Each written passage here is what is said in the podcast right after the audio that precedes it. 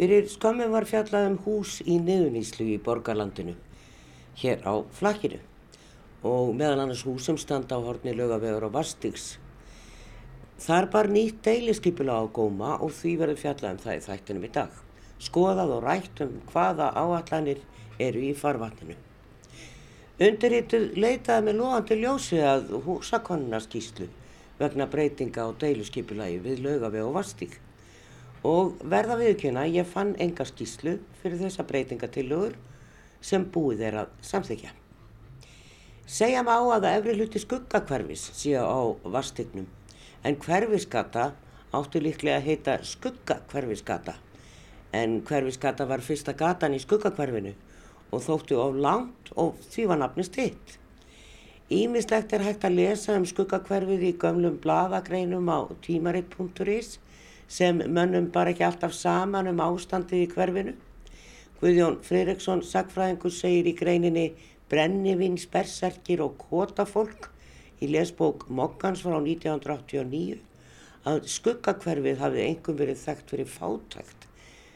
Þar stóðu kot á víð og dreif og moldartróningar á milli húsa og hreinlætið hafi nú ekki verið upp á marga fiska.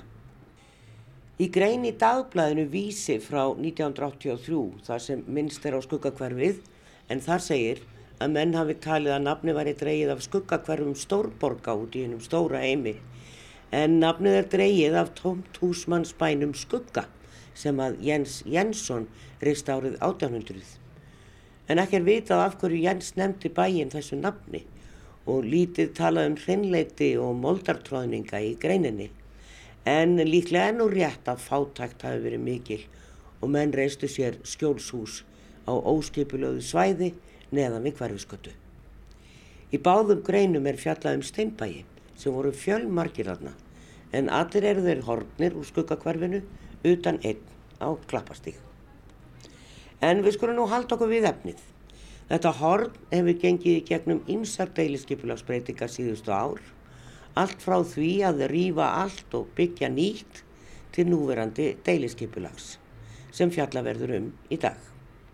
Hér sitja Ólaf Örvarsdóttir, sviðstjóri umhverfis og skipulagsviðs borgarinnar og Kristján Magnason, framkvæmdastjóri leigu í búða sem er framkvæmda aðili reytsins.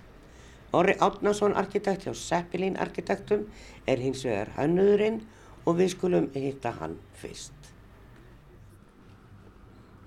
Já það er ekki svo langt síðan að við vorum nýra á Vastík nýri miðbæri Reykjavíkur. Við gengum gata sem gengur niður frá uh, í áttuna sjónum í norður frá lögaveginum og uh, alveg niður af skólagötu, sæbrönd.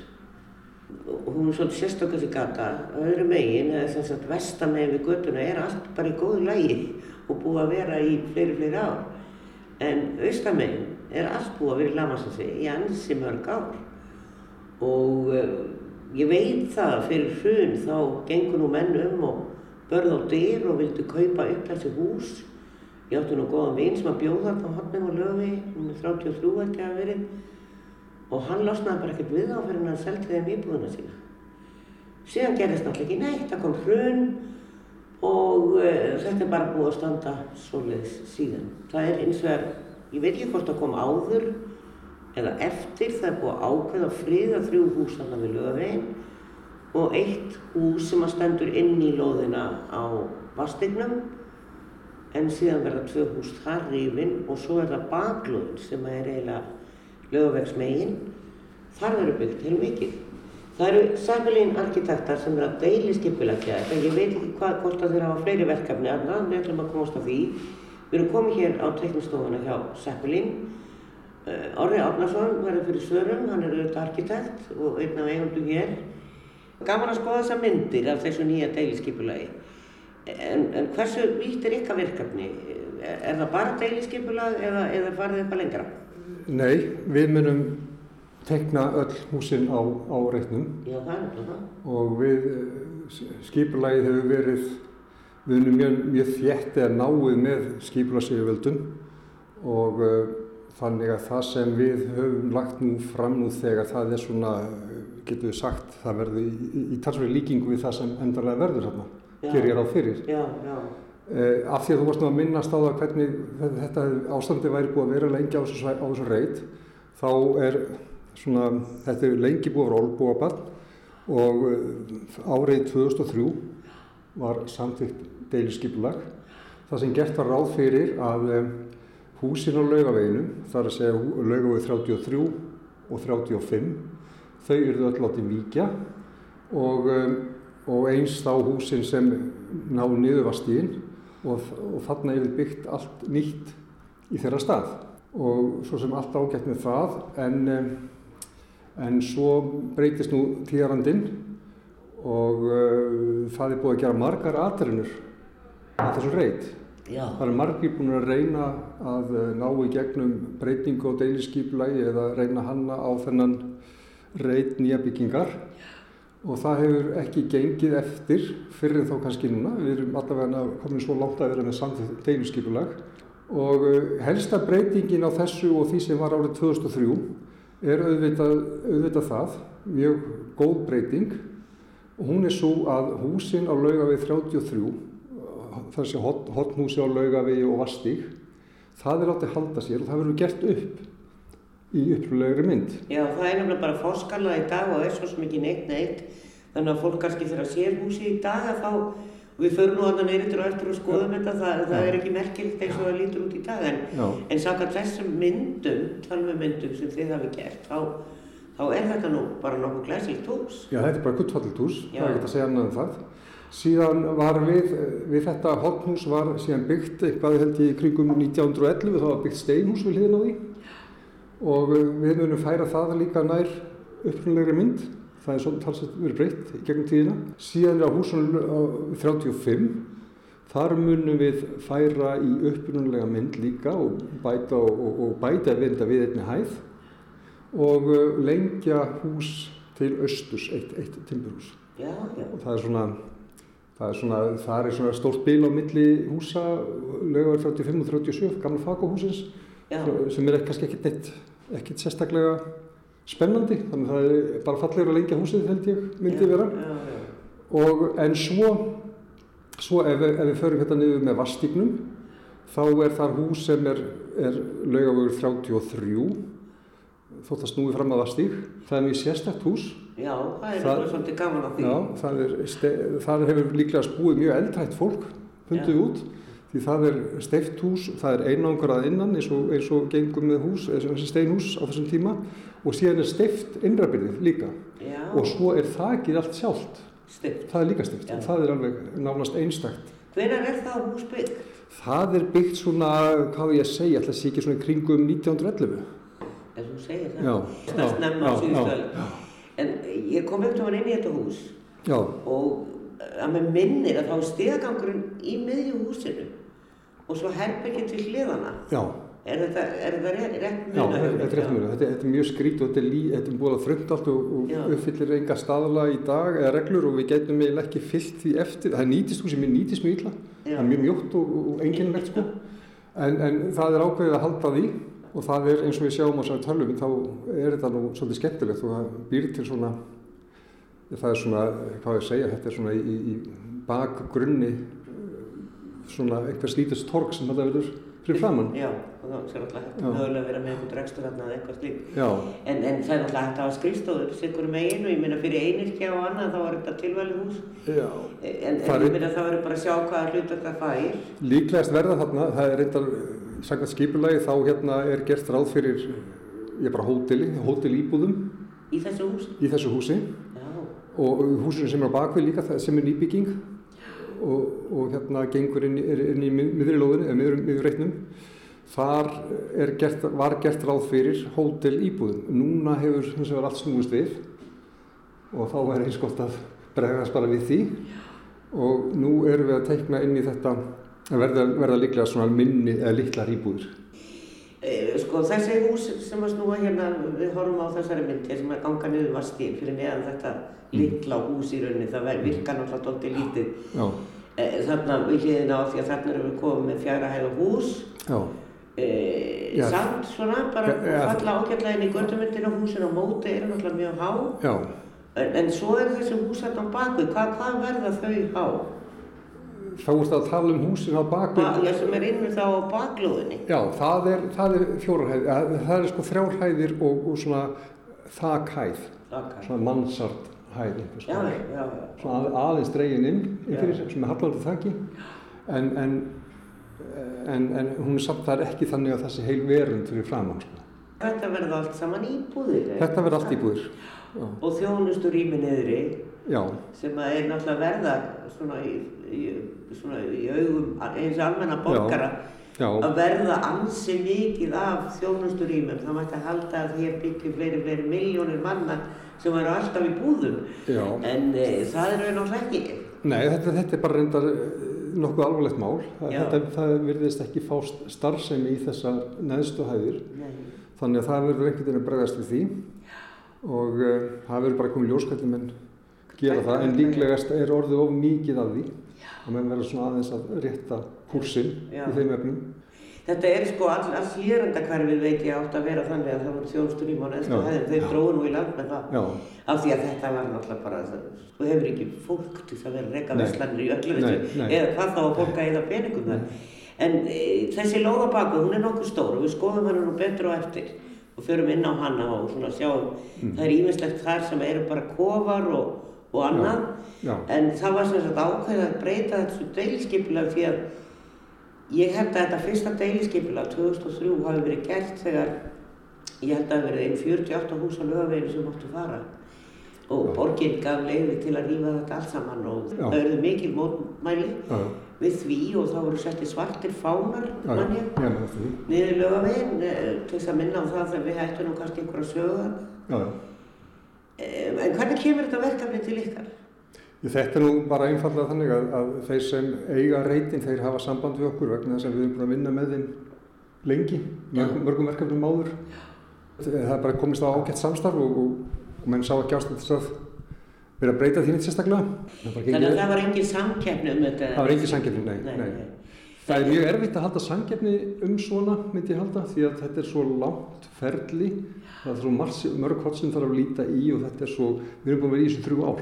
Já, Þannig að svona samkeppni er, er svolítið snúin í, í svona, myndi ég trúa. já, kannski betra varandi einstök hús en þó það er náttúrulega gerð samkeppni um deiliskypulega líka. Jú, jú. En e, það er eitt sem við spyrjum þeim áður en við uh, rúlum okkur að það til. Þetta hvíta hús, þarna þriðjumyndina ofan, eh, önnur á neðan, maður sé svona stórt hvít þak. Hva, hvað erum við að horfa á þarna? Ég, ég átta mig ekki alveg á þessu. ert ekki bara að horfa á það sem snýr inn á, inn á, inn í, inn í hérna lóðuna miðja, það sem eru bílastæðin og, og við hliðina á bíósölum bíópartísar. Þetta eru bíósæði, já, svona þetta var skoða já. tekninga, maður átt ekki Já. alltaf á því hvað, hvað, eru, hvað það er. salirnir eru þarna undir bílastæðunum og já, já. uh, þarna verður einhvert hús reist. Það er reyndar, það er reyndar annar eigandi Af því. að því. Tilherir ekki þessu verkefni mínu þótt að það hafi svona rekist inn á, á þannan uppdrátt því að eðlulega fannst mannum einfaldast að Sína. skiplega geta allt í einu sko. En við sjáum þetta betur þegar við komum þarna neyð til. En e, það verður mikill munur að, horfa á vastígin eftir að, að þetta verður komið heldur eins og hann er í dag. Það Já. er bara ömulegt. Brunnarústur og allt í, í drasli. Já, nákvæmlega. Það er ekki gott. Sagði Orri Átnason arkitekt hjá Seppelin arkitektum og við bregðum okkur á vastígin með honum aftur og eftir og heilsum nú upp á Ólöfu Örvarsdóttur sviðstjóra umhverfis og skipulags í Reykjavík og Kristján Magnarsson frangotastjóra leigu íbúða sem ætlar að byggja eftir þessu skipulagi. Verið velkomin. Takk. Takk. E, Orri talaði um Olbóabat, kannski Ólöf, að, að, hérna, og það er svo sem alveg rétt. Þessi reytur er náttúrulega búin að vera alveg ótrúlega lengi í reyðilisi og í rauninni allt þarna austan megin við vasti. Því að það eru hús líka neða við hverfiskötu sem að er nelt fyrir glukka. Sko, ég myndi kannski ekki kalla þetta olbáðabann vegna þess að þetta er partur af uh, sögu þessar heldar sem að lögvegsreitirnir eru og þá er alveg rétt sem að þið orri voruð að spjalla um varðandi þessa stemmingu sem var í kringum árið 2000 þar sem að breyta átti lögveginum í svona einhvers konar alþjóðlega verslunagötu þar sem átti að vera pláss fyrir stóra verslunarkæðjur og H&M og Zara og þessi nöfn voru nefnd. Og það voru, það var í raun og voru bara gefið veiðileifi á þessar húsasamstæði við laugavegin og uh, þarna voru gerða marga skiplasáallanir í kringu 2000 og þetta er eina af þeim 2003 og nú er ég búin að vera lengi á borginni. Og mér finnst við hafa verið að vinda ofan af þessu í öll þessi ár. Já. uh, að því að uh, bara svona í kringum meiri sig að þarna í kringum hrun þá er alveg komið þessi tótn og fyrir hrun að við getum ekki fara að rýfa all húsin við laugavegin með þess að Vimberi mátti fara þessi hús auðvitað, þessi hús að samstæfi laugavegin mátti fara, þetta er kringum 2007-08 sem við förum í raun og veru að, að nálgast þáverandi lóðarhafa og fara að segja, þú veist, við getum eiginlega ekki byggt svona, við veitum að þið erum með þennan rétt að má rífa þessi hús en við getum ekki að hugsa okkur að þau fari. Og nú erum við með til dæmis hljómalindareit eh, það mátti rífa við 17 og 19 þar sem að 66 norður eru núna. Það, þau voru gerðið upp með glæsibrag sama með Brynjurreit, það sem núna er bara fullt af nýjum íbúðum, það mátti vera tölvert niður yfir þar, hverfiskutureitnum, það sem að landsbankin er á lögu 77, það mátti líka ríða mikið húsum sem búið er að halda í. Uh, Frakkasísreit sem er hitt hodnið á þessum sama reit og við erum að tala um núna, það mátti líka ríða tölvert þar. Þannig að þetta er raun og veru, sé að síðasta skrefið uh, af þessari laungu göngu, laungu tímafregu göngu í mínum huga, að halda í þessa húsasamstæður og gutamyndina við laugaveg sem auðvitað er bara okkar, hefur þessi sérkynni og endur speglur okkar staðrand og okkar sögu í miðborginni. Þannig að ég fagnar því sannarlega að þessi komin alvara í þessu uppbyggingur áform vegna að þessi reytur hefur gengið kaupum og sölum Já. og ég hef mætt og hitt fjölmarka loðarhafa sem hafa ætlað sér stóra hluti og borgin hefði líka frumkvæði að byrja skipuleginan reyt hann kringu 2007-08 til þess að geta nálgast loðarhafa og sagt, heyrðu, þetta er líka option, þú farið jafn mikið fyrir þína fermetra þarna. Og þá fóru við borgin í svona samaburðar tillögur, þá skuðum við eftir tillögum frá fleiri neitin tengstofu til að sjá hvað gæti gerst þarna. Og síðar hafa fleiri spritt sig á sem reyta ára en orðið tók svo við. Já, en frá það, Kristján, þú ert maðurinn sem ert að fara að framkvæma þarna. Og þú ert framkvæmda aðeins á frakkastiksreitnum og alveg þarna niður á hverfiskutu og á hverfiskutunni. Já, já. Þú ert náttúrulega bara búin að taka hennan reyt yfir eiginlega og segja það sem að, það sem að að þessu? reynd þá komum við, uh, það eru já, þrjú, rúm þrjú ár síðan Já. og ég er alveg sammála, sammála Ólofi að það bara er búið að taka tíma að vinda ofanar að þessum steipu kumböldum sem, átt, sem mátti í reysa þarna við lögveginn á svona tíma þessu 2003 skipilagi og ég nú sem byggingamæður að ég var alveg fyrir 25-30 ára síðan og þá vildi ég bara rífa allt og, og byggja nýtt, byggja nýtt en, en ég er ekki á þeirri skoðun í dag og, og það er bara mjög Já, ég menna það er bara farsalt að það hefur tekist að snúa sér við. Já. Þetta verður að halda í gamli byggingunar þó svo að og reyna að láta það sem að er byggt nýtt harmonera við það sem að fyrir er. Já. Og ég held að með þessu deiliskyplaði hérna á eittinu núna þá, þá séu það að takast og, og við séum svona sætta sjónamið. Nákvæmlega. Ég fann enga húsakonunarskíslu fyrir þennan reynd og ég var svolítið hissa því að ég leita nú stundum þángað í minni vinnu að, að skoða það því þegar það eru breytingar á, á, á hlutum, sem sagt götum og hverfum að þá er vanlega gerð húsakonun. Já, húsakonun er bara eins og gömul, Lísa. Þannig að þetta er bara partur af þessari stóru konun uh, um laugavægsreitina og þá er bara fjallað um þessi hús þar. Þetta er þessi þykka hérna sem ég held að núverandi bingafulltrú hafi gert á sín tíma Nikolás Úla Másson þegar hann var á árbæðasafni þetta, þetta er partur af því sko að Þannig að sú... þetta er ekki inn á vefnum. Nei, já, nei allir það sko. Já, en þetta er sem sagt gert í raun og veru þegar þetta er deiliskeipulagt þarna 2003 þannig að allir hún sé ekki bara frá 99 eða eitthvað slikt svo könnun sko, já. þannig að við gerum ekki húsakönnun hérna þegar við förum í þessar breytingar vegna þess að húsin eru þau sömu. Þannig að allar upplýsingar liggja þá fyrir en eru bara komna til ára sinna ég skil. En, en samvinna, nefnduru, finnst þér, þú hafa fengið góða þjónustu hjá skipilast yfirveldum við þetta? Við þetta verkefni? Já, það er nú oft talað um núning þarna á milli, menn hittast oft og byggingar aðli við þetta en borgið því nei og það er reynd að komast að samkommulagi. Já, já, þetta er svona tvö og hálft ári náttúrulega svolítið langu tími í, í þessu ferli en, en hérna og kannski var aldrei neitt ágreiningur, ágreiningur snýrist svona meira um einhver smámál sem að, sem að skil, það gerð, gerðir og, og þess aftar, það var aldrei ágreiningur um hvað átt að hverju átt að halda og hverju ekki. Og, eða stærðið með þess aftar, þetta var meira svona þrasum út, útlitt sem að hérna oft. Oft svona tegist og, og lengist á og svo líða bara mánuðinir og árin og, en, en hérna þetta var samþýtt núna 1. apríl. Það er nefnilega það, það var ekki gap. Hérna, en sko, ég myndist aðeins á steinbæðin í upphafi og ég meina það er náttúrulega þessi hluti af gamla bæ, uh, Reykjavík og, og náttúrulega það voru náttúrulega, náttúrulega margir kumbaldar hérna jafnvel torrbægir og svo eru steinbægir og, og það voru náttúrulega stóra byggingar hérna líka neðan við hverfiskötu og allt þetta svæði einhvern veginn í gamlu Reykjavík er hefur breytt rosalegum svip og meðan við bara aðra staði í borginni. Það er einhvern veginn allt horfið. Þannig að, þannig að þið stýttir kannski svolítið fastar á því að þarna sé varðveikt þó það sem er. Já, ég bara þú að fullir á það og auðvitað, ef maður horfir svona tilbaka og þetta er mikið af þessu auðvitað lunga fyrir minn tíma að þá eru þarna hús eins og bara trésmiðjur og svona stort húsnaði, glæsilegt húsnaði sem hefur verið gaman að sjá breytast í eitthvað annað Meina þá völundur. völundur, Já, sem já, það auðvitað og hérna, en auðvitað eru, voru sumt af þessum hýbjulum eitthvað sem hefur kannski ekki gengið og erfitt að halda í, en það hefur þá þurft að vera ein, einhver valin dæmi um það og svo framvegis. En þessi hugsun hefur auðvitað breyst. Það, við vorum svo mikið svolítið svona að flýja okkar raunveruleika og bara taka burt og byggja nýtt í svo langan tíma og og fleiri borgir. Þannig að ég myndi segja áherslan á húsvend væri auðvitað miklu meiri núna og líka bara svona vendun götumynda og svona heildstæða vendun. En auðvitað viljum við líka fá nýtt og, og ég meina hverfiskattan hefur náttúrulega gjörbreyst á undarförnum árum til eins betra og hefur náttúrulega bara gengið endinni um líðdaga.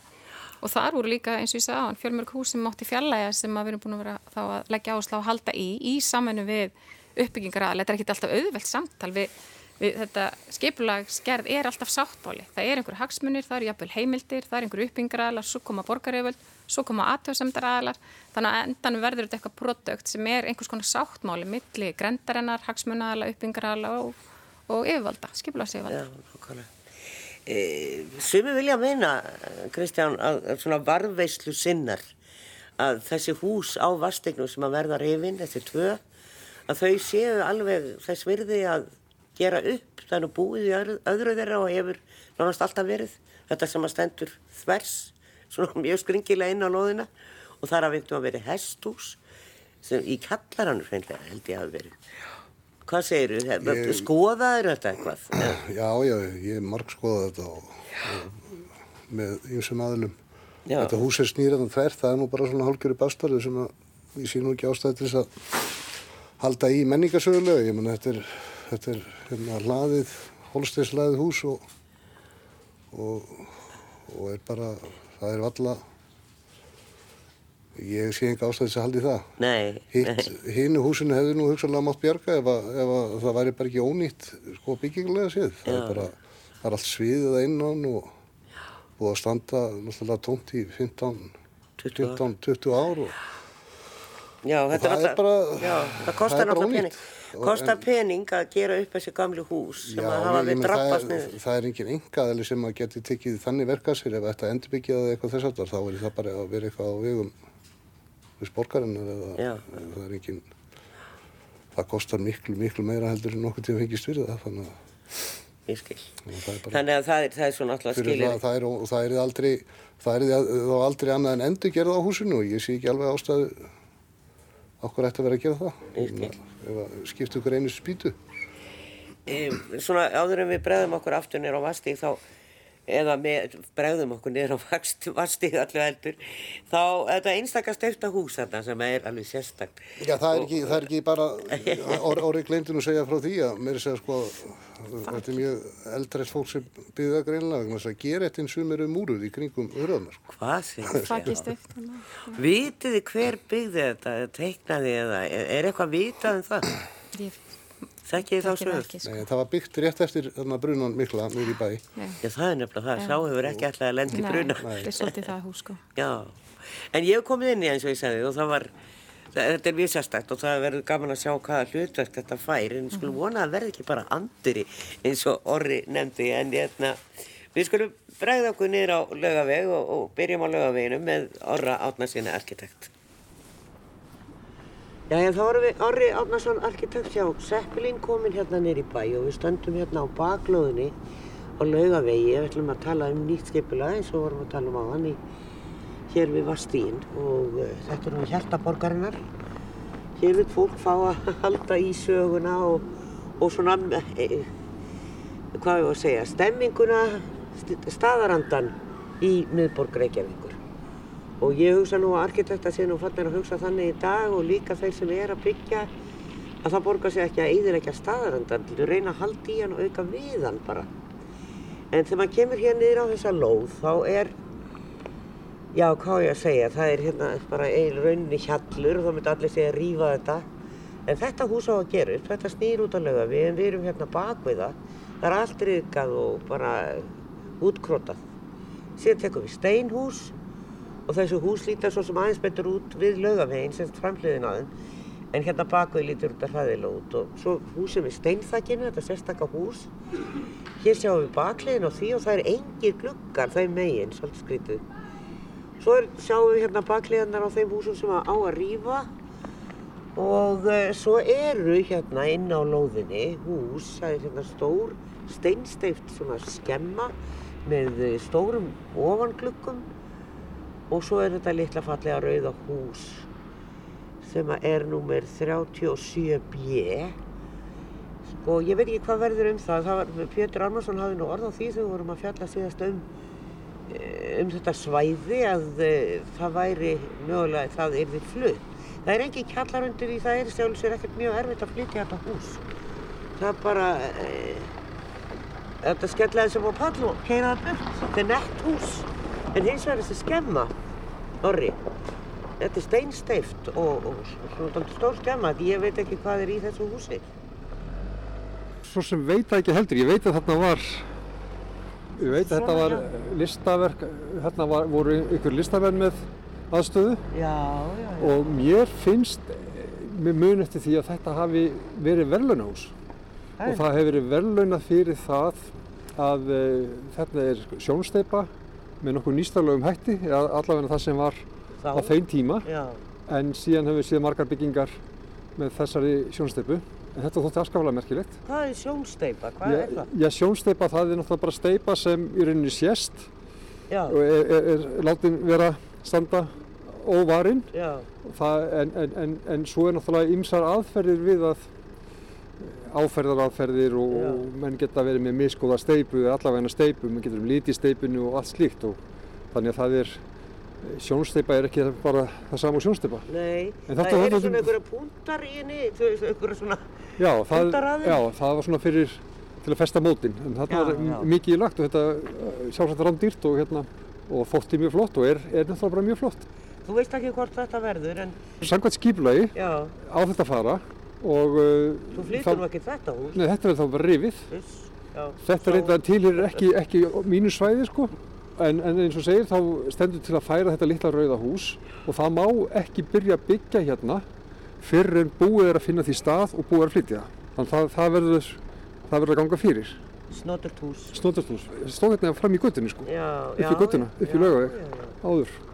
Var svo Ló- flutt hérna aftur fyrir þegar hitt húsi var byggt. ég skil Lóðamörkin eru eiginlega það sem ég stend þá.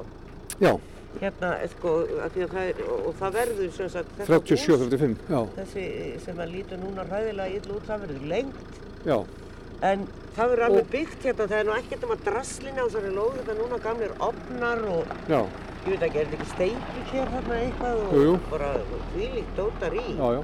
já, Þetta hús sem við stöndum hérna fyrir aftan, það verður lengt aðeins til austurs og síðan verður byggt af, og það verður bætt við einni hæð ofan á og síðan verður, það, verður byggt hérna aftan úr því, alveg á lóðamörkum. já, Þar verða 20-30 íbúðir í því húsi, litlar íbúðir. Og, svo, og svo stendur það upp við þetta hús hérna sem varst að lýsa á, steinstipuhúsinu eða með steftaþakinu og það verður tenging þar á milli. Þannig að við munum opna þennan vegg sem er hérna alveg lokaður. Við munum opna á milli og reyna að gera eitthvað, eitthvað skemmtilegt úr því. þetta er mjög skrítið, svona heill veggur og, og, og, og það er engin gluggi Þetta er mjög skrítið, já. já. við erum að horfa á okkur þakkarð hérna, hvað, er þetta Þessi þakkarð, þetta er reynda bara bílastæði já, og já, þar undir, þar eru bíósalir, uh, bíópartísar. já, nákvæmlega, þetta er svona við varum að skoða á teikningunni og það er garð, þakkarð er ón á því núna Nei, það er bara bílastæði. bílastæði, bílastæði og það mun vera byggt alveg að þessum vegg. En það er hægt að gera þessi gamlu hús mjög falleg, við vitum það sem við sjáum bara hérna á litla rauða húsinu og húsinu hér fyrir ofan sem er náttúrulega mjög stórt. Það sem einu sinni var Fagó og svo var hérna listasafnið hans Péturs S.T. Arasonar og Ragnar Róberts. Þau voru með síningarsælið þarna en núna er Farmers Market í þessu húsi. Þarna var líka Levi's og það hefur verið ymsa búður í þessu húsi. Er, þessu hefur verið haldið virkilega vel við í langan tíma, þessu húsi, til fyrirmyndar. Og eh, hérna erum við náttúrulega með steinhús og svona, bara svona borgarhús og svona steinsteipu klassik eins og Guðsteinn er hérna móti, fallegt hús, stóri gluggar og Og síðan er hérna nýtt hús sem að fellur bara alveg ágætlega inn í göttumyndina og svo kemur bakarið í Sannholt. Þetta er það sem er þarna meginn. Nú hér eru bara vestlanir og hafa verið og svo er komið hér lítill matsölustæði sem heitir Gríska húsið og uh, já. Og síðan eru vestlunarými hérna í þessu forskalaða timburhúsi sem að verður gert upp. Ekkert hér, hér er tómt, en Ísi Jakobsen hér á hodninu. Svo er biskupstofa hérna hínum yfir göttun og svo fólk átti sig aðeins á þessu sem að fer nú kannski ekki alla jafna nýri miðbæ, en þekkir kannski bæinn þegar sagt er frá og þegar það kemur hérna. Uh, þetta er allt útgrótað. Hvenær heldur að verði byrjað hérna? Það stendur til að, uh, að rjúka í þetta núna bara. Já. Og, og, og um, ég spái því að svona fljótlega upp úr áramótum, eða svona, ég skulum segja kannski svona mæ, þá verði framkvæmdir Komnar að komnar eitthvað á veg. Eða þá verði, verði farið með svona að byrja í jarðvegsframkvæmdum og öðru slíku. Það er heldur seinna en við hefðum viljað. Því best best hefði verið að- að vinna í, í slíku svona aðeins fyrr þegar mann er með stórar vélar og, og, og, og hafa þá grunninn tilbúinn Já, þegar hérna menn færi að byrja í steipuvinni og öðru slíku. En, en ég reikna með því að þetta verði svona í mæ, mæ-júni. En það var skilirði að þessi þrjú húsir á lögavegi eru gerðu upp til þess að fá að byggja hérna, er það ekki rétt hjá mér? Það er rétt, Já. það er rétt. Og þetta hérna skemmtilega hús hérna á Astegnum sem að stendur inn í lóðina og svona Já. teikningum þá er, er svona lítið torg hérna fyrir framann og Já. fólk setur og drekkur kaffi og kósi. og þetta er eins og ég segi, er ég er mjög ánægð með að þetta hús er friðað. Það eru margir sem vilja meina að þessi hús er fyrir neðan, að þau séu alveg heil. Hvað segir þú því?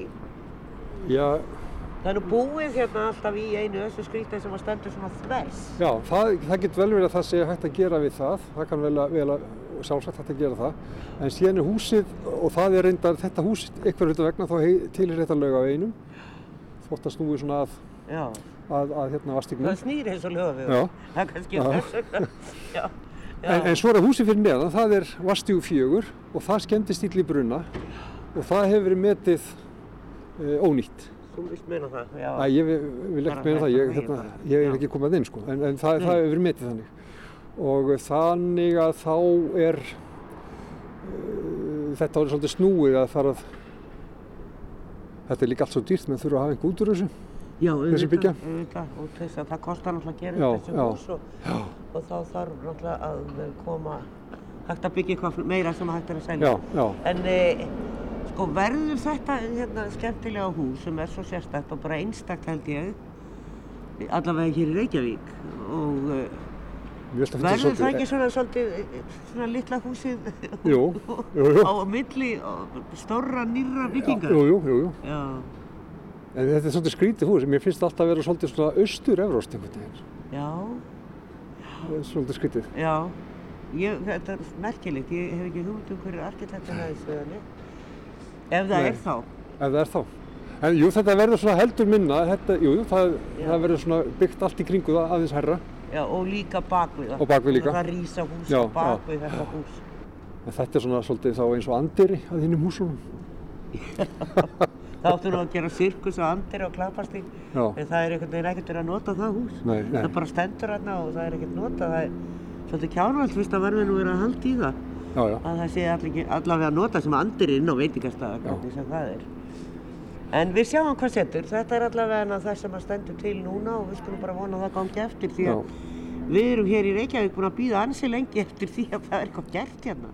Það sem var, það er sem, deprimerandi. það sem má kannski segja, það er, það er, það var farið ákveðið svona kompromi í þessu öllu saman og það var, hérna var áður búið að samþykja að rífa öll þessi hús og, og byggja ný hús og það hefði náttúrulega verið ódýrasta leiðin en það var farið svo leið að, að, að hérna, halda í gömlu húsin sem snúa lögaveinum og gera þau upp með þá erning tilkostnaði og, og allt í góðu með það og eins eh, haldi þetta hús hérna sem við stöndum fyrir framann sem er þá laugavegur 33B og snýr beint út af Vastík og þá á móti myndu hinn húsin, þetta hús sem stendur svo þvert á göduna það er látið fara og það væri þá hægt að byggja svona stærri og, og svona það er aðeins hagkvæmur að byggja að rífa það og þá húsið Vastík fjögur sem er búið að dæma á nýtt og svo er byggt aftan við þetta þannig þá er komið svona ákveðin stærðar hagkvæmni í þetta Já, þannig að þetta borgir sig. Já, þetta er, þetta er mjög er þröngt allt saman og, að og erfitt að eiga við. Húsin hér á móti með stórum gluggum og fallegt hús, fallegt borgarhús. Já, Eh, það er mjög hátt en það er ekkert vola margar hæðir. Það er svo gríðarlega lofthæði í þessu hús. þetta er mjög glæsilegt hús. Þetta er glæsilegt hús og það er örgulega fjóri metrar til loft þarna, þrýr og fjóri metrar. Okkar fyrstu tillögur voru reyndar í þessa átt. Að, að við vildum byggja svona hérna megin og vera með e, svona terrasur eða svona undregnar efri hæðir og við hefðum fengið alveg frábærar íbúður efstu hæðir með þeim hætti en það var ekki það var, var ekki Ofan á? það var ekki vona. Nei. Við heyrum frá borginni og þau segjum þetta. Og þar með hverjum við Orra Átnason, arkitekt hjá Seppilín og höldum áfram hér í stúdíu Anderi með þeim uh, Ólöfu Ör Örvarsdóttur, skipilastjóra borgarinnar og Kristjáni Magnarsinni, framkvæmdastjóra leiguíbúða. Ég verði aðeins að fá að leiguíbúðir. Þú ert ekki að byggja leiguíbúðir. Uh, nei, ekki lengur. Nei, varst að því kannski. Já. Já, já, já. En þú er ekki ákveð bara að halda nafninu. Uh, já, já, já. Já, akkurat. En við endum á því að tala aðeins um þarna stóru byggingarnar á móti, þarna vestamegi við göttuna, stórglæsileg borgarhús með mikið til lofthæð. Og Orri nefndi að hann hefði nú haft alveg huga á að byggja eins hinum með við göttuna. E, já, þetta nú má kannski segja að vera að gera nýra á Östuvelli, Hótel Borg og svo gamla landsímahúsi sem er búið að breyta í aðra Hótel Borg, að hluta því húsi. E, við erum ekki að byggja svona, með svona mik mikill lofthæð í dag sem er náttúrulega bara drauma lofthæð. Hvað segir þið? Hafið þú eitthvað áhuga á þessu, Kristján? Já, eins og Óri segði þá voru fyrstu hugmyndir að hafa svona indregnar tvær efri hæðir Já, í staðan fyrir í staðan fyrir svona hérna rísak með kvistum. Það var einhvern veginn ekki stemming fyrir því hjá borginni hjá, hjá þeim fullur sem að við vorum að vinna með já, en hérna það hefði náttúrulega verið miklu svona lífvænleiri og, og skemmtilegri íbúðir á, á okkar mati já. en Það er kompromí, eins þetta og er svona sagðir. smekkatrið bara Já, eins og ég að tala um, má, þetta tók tíma. málamiðlun. En Ólu þá kannski ég að svara því að því að eh, hér áður fyrir og eins og þetta hús sem er náttúrulega e, komið til ára sinna, þetta stórglæsilega hús þetta móti og gertu upp og það var nú ekki mikið varðið að þegar Níló var þarna um tíma, þá var það tómt en síðan var þetta tekið í gegn. Og svona var nú byggt í gamla dag, þry, þryggja metra og rúmlega þryggja metra lofthæð. E, þetta sest ekki í svo fjölbilshúsum þetta. Nei, en það er kannski að því að við erum oft og eins og þessu tilviki þá hefðu húsin orðið tilvöft herri, nýju húsin. Já. Eh, Þannig að við erum ofta að halda okkur við einhverja hæð eh, sem að bæði kannski er ákverðu út frá skugga og fleiru þannig að við búum ekki til einhver skuggasund. Eh, En hérna, og ég held að borgin sé þá sjálfnast að segja, heyrðu nei, þið megið ekki vera með þrjárhæðir, þið verðið að vera með fjórar, en uppbyggingaræðli skiljalega vil koma inn fleiri gólfum til þess að hafa þá fleiri söluvanlegar eignir, þannig að oft er bara samtalið strandar svolítið þar. Þannig að það er svona sjálfnast að við segjum hérna, nei, bannað að hafa hátt undir loft, en við segjum þið geti ekki farið svona hátt upp í loftið. Nei. Þú veist, okkar, okkar hérna, afstæðir yfirleitt svo að við erum komið einhver svona hæðar takmörk í heildina. Já. Frekar heldur en loft það innan í byggingareitunum. En söluvænlegar, segir hún, og, og, og það kannski er eitthvað til í því. Þegar, þú hefur náttúrulega reynsla því, þú byggir þennan reit þarna við Vínberið og niður frakkast í einn og inn á hverju skötu. Það eru mest íbúðir ekki satt og svo er inn á lóðinu byggt þar líka. Já. Þannig hvernig hefur gengið að selja þessar íbúðir? Þær eru allar seldar. Þær eru allar seldar. Það er nefnilega. Þannig að þú er bjart, bjart sítt get ég er að fyrir. Mér það er eitthvað að gera. Já, en ég hef svona tilfyrkun að sé svolítið takmarkaður sko, hópur sem að vill búa svona í miðbænu. Fólk vil kannski búa sentralt íbúðunar hér, ég hef nú oft haft ára á því hérna fyrir efstaleiti, þær eru ripnar út um leið og þær eru tilbúnar. Þú ert sentralt út í gamlu Reykjavík en þú ert ekki alveg nýr í bæ. Það er búið að byggja rosalega mikið að íbúðum bara þarna á litlu svæði. Allt holtið, þess að stóru í, í, í hvað heitir það, stakkholt, stóra blokkir þar. Við erum búin að byggja allt hafnatorki fullt af íbúðum þar og á fleiri reytum á hverjusgötunni. Bæði e, barónsreitur og svo bak við keksið þínu með við götuna. Og, og þetta er alveg ótrúlega mikið af íbúðum og barnafólkið er það að kaupa þessar íbúður til dæmis.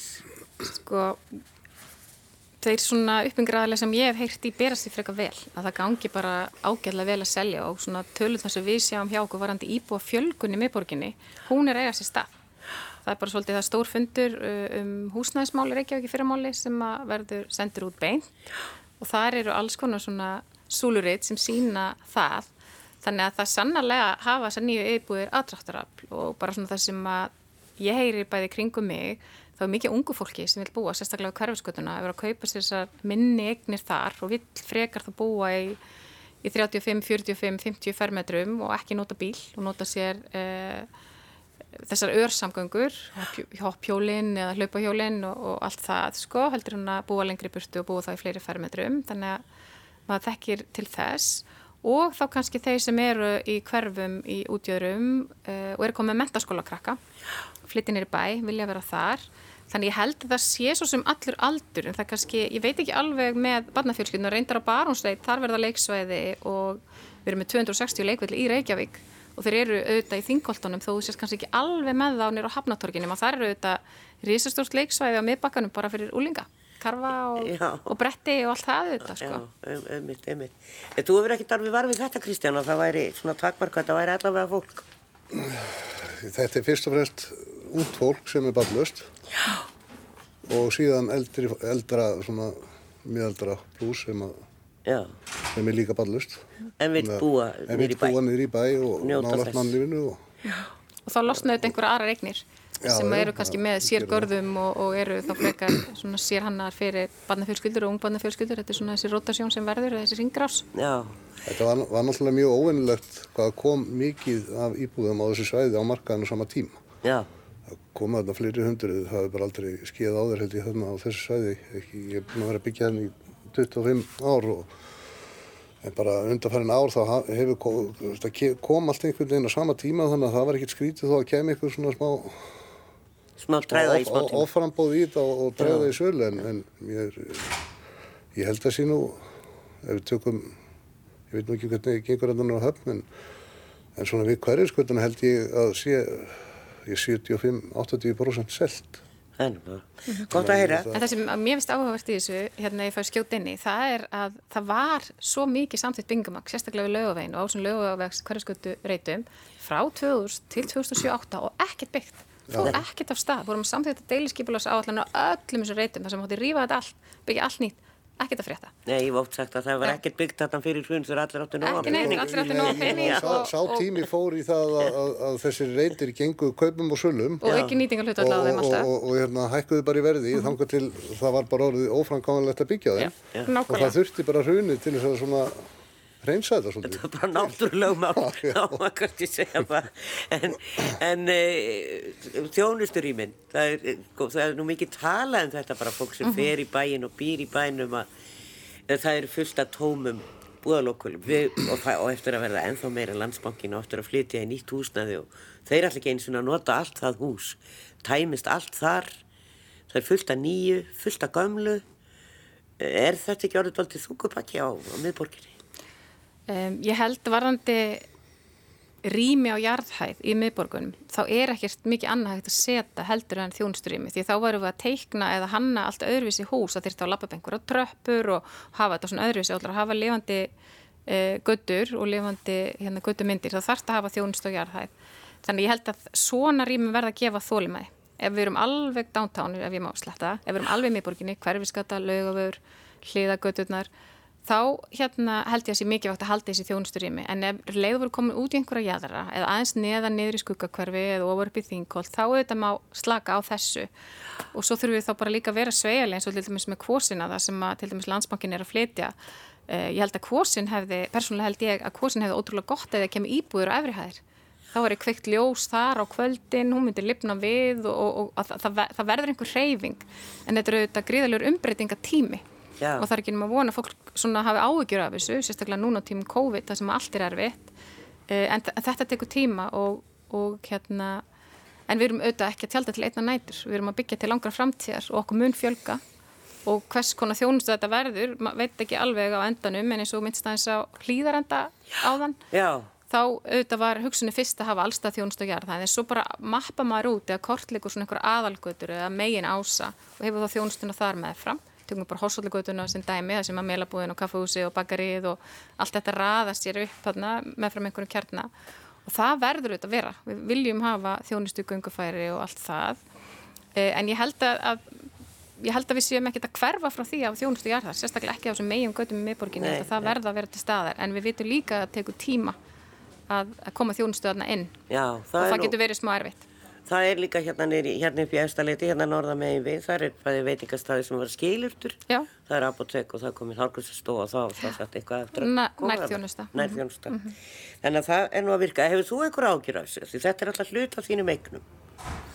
Já, ég hef bara mjög miklar ágjur af því. Þetta er, og ég, við erum með, við rekum, við tölum við já, nokkuð stórt legufélag sem er með eignir við lögaveg og skólaverið stíð og, og maður finnur það bara bæði á rekstraðalum og, og bara fólki og sérstaklega fólki sem býr ekki í miðbænum að, að þetta hérna að aðgengið það er bara, bara markvist verið að vinna að því að gera það bara verra fyrir fólk sem að sko býr fyrir utanbæin þetta, þetta er, getur vel verið að fólk sem að býr í miðbænum að það, það sé hrifið að þessu en, en, en fólk sem býr í útkverðunum og vill farin í bæ það, það er ekkert að koma af því að, að, því að hérna, mér er svolítið að loka göttum á góðum dögum og allt það. Og, og eins og með þessa umferð sem að líka nú breytist allt í hennu niður eins og trekt niður frakkastígin þar sem þú keirir sko upp hverju skvötan og mátti keira á móti og niður aftur og, og að það er að beina allir umferð fram hjá húsinu sem ég byggði og það var ekki í skipulæginu held ég þegar ég byrjaði að hérna, byggja þar. Já, margi sem en, vilja en, meina að þetta sé spurningum um hugafarsbreyting og alveg eins og þessi lókulegi eftir að fá fólk. Ég er ekki á mótið lókunum en, en það þurfa að hafa eitthvað tilgang já, og, já. Og, og breytingar á axturstefnu þannig að ég, ég skilur ekki sko. Nei. Ég er bara... en og, og ég er með í útlegu þarna einhver 15 15 bil við lögu og skólaustík og það er engin, engin að þeim kaupmennu sem að reyka starfsemi í þessum ústöðum, þeir vilja þetta. Þannig að ég áttum ekki alveg á því hverjir, hvað allt þetta samráð er og, og samstað um þetta. Ég, Nei, þetta er, þetta er, þetta er bara búið að vera deilumál í mörg ár. Já, og, þetta er svona svolítið leiðilegt að ég geta að finna eitthvað svona sjónamið sem að flesti geta verið sátt við. Sumir segja bara fólk að hætta að nota bílinu sem úlpu. Já, ég meina það er fullt af fólk í, í bænu sem notar ekki bíla og, og það er fínt en, fólk sem býr í útkverðum kannski nýbúið að fá sér umhverfisvennan ramaspíl og það skilur ekki okkur að má ekki kerna í bæ. Það getur alveg þér í bæ. Það er fullt af bílastöðahúsum. Það nennir ekki að ganga fyrir ekki að... Já, ég er nú afkoma aðeins inn í það. En svo líka bara rúndurinn, fólk, fólk hérna keiriði niðurlega veginn. Það er hundlegilegt að ganga þegar rúndurinn var í gangi. Og, og hérna sá eitthvað spennandi búðir og kom síðan setna að kaupa og ég menna þetta er... Ég held að það sem að fólk gerir núna þegar það fyrir svona window shopping eða svona glukka hérna að að netinu og svo finnir þú hvað þú vilt kaupa og í hvað búð þú fær. Þú keirir ekki fram í á 20 sem nefndis að kíkja úlpunna klukkan og fyrir bara á neti og segir, hér, ég ætla að kaupa með þetta. En við erum með, aldrei verið með bílastæði í miðborginu svo núna. Þegar bílakjallarinn undir Hafnatorgi opnaði, þetta er náttúrulega gríðarlega stór kjallari og alltaf þetta fá stæði þar að koma bara beint upp úr Hafnatorgi og lappa svo bara nokkuð skref. Við erum með bílastæðihús alls þar í kringum hverfiskutuna, stjórnubíóreitur og bara allt þetta sem að Traðakot og- bara ekkert Ráðhúsið. Það Ekkert er- mál að leggja. Já, já, það er ekkert mál. Þetta, þetta, þetta er hugafarsbreytingan fólk þarf að venjast. Við skulum ekki dvelja við þetta. Því að þetta er bara, fólk hefur svo ólík sjóna með þessu já. Og, og ég verð nú að segja, ég veit sammála Ólafi en ég virði alveg skoðanir annara í þessu máli. En, en við verð, þetta verður bara koma í ljós. Já, já. E, Það, tíminn er nú alveg að hlaupa frá okkur en mér langar svolítið að spyrja inn þessa stóru skemmu þarna inn á lóðinni e, sem að er náttúrulega tilherir ekki ykkar skipulagi e, og, og litla rauðahúsið Mhm. hvað verður gert þarna? Bara það verður eiginlega verið svolítið stuttumáli Já, eh, sko það má rífa skemmuna, sakot skipulagi. Já, en er þetta ekki til til að nýtt hús? Jú, jú, en það greinilega er hægt að byggja eitthvað verðmátira þarna á þessum stað sem að verður þá gert og svo bara flytja húsið og það svo sem ekki fyrsta sinni sem það verður flutt eins og heyrður aðan frá orra, það var við löguveginn og flutt þarna aftur og það er nú svolítið sér Íslands, það er að vera alltaf að, að rúnda með þessi timburhús okkar. Þetta er alveg, ég hef verið með Skandinava hérna í heimsókn, arkitekta, kollega mína nýri bæða sem að hérna, ég hef verið að segja að þetta hús það var þarna einu sinni, við fluttum það þangað og þau svona benda og þau staldra við og segja hvað er alltaf að flytja hús en það er svolítið svona það sem við höfum gert svolítið partur af okkar hérna, byggingasögu það er að færa húsin ef þau eru fyrir okkur og nú betur en að rífa þau Er komin lóð fyrir það? Nei, vistu það, ég held hreinlega ekki en við finnum hana, við, við gerum það alltaf á endanum sko, ef við þurfum það er svo lítið Það er og svo kjút. pínu lítið, já, já einmitt. Við komumst ekki lengra því miður. Ímislegt annars ég vilja ræða en Ólaf Örvarsdóttir, sviðstjóri umhverfis og skiplarsmála borgarinnar og Kristján Magnason, framkvæmdastjóri leigu í búða. Takk fyrir kærlega fyrir.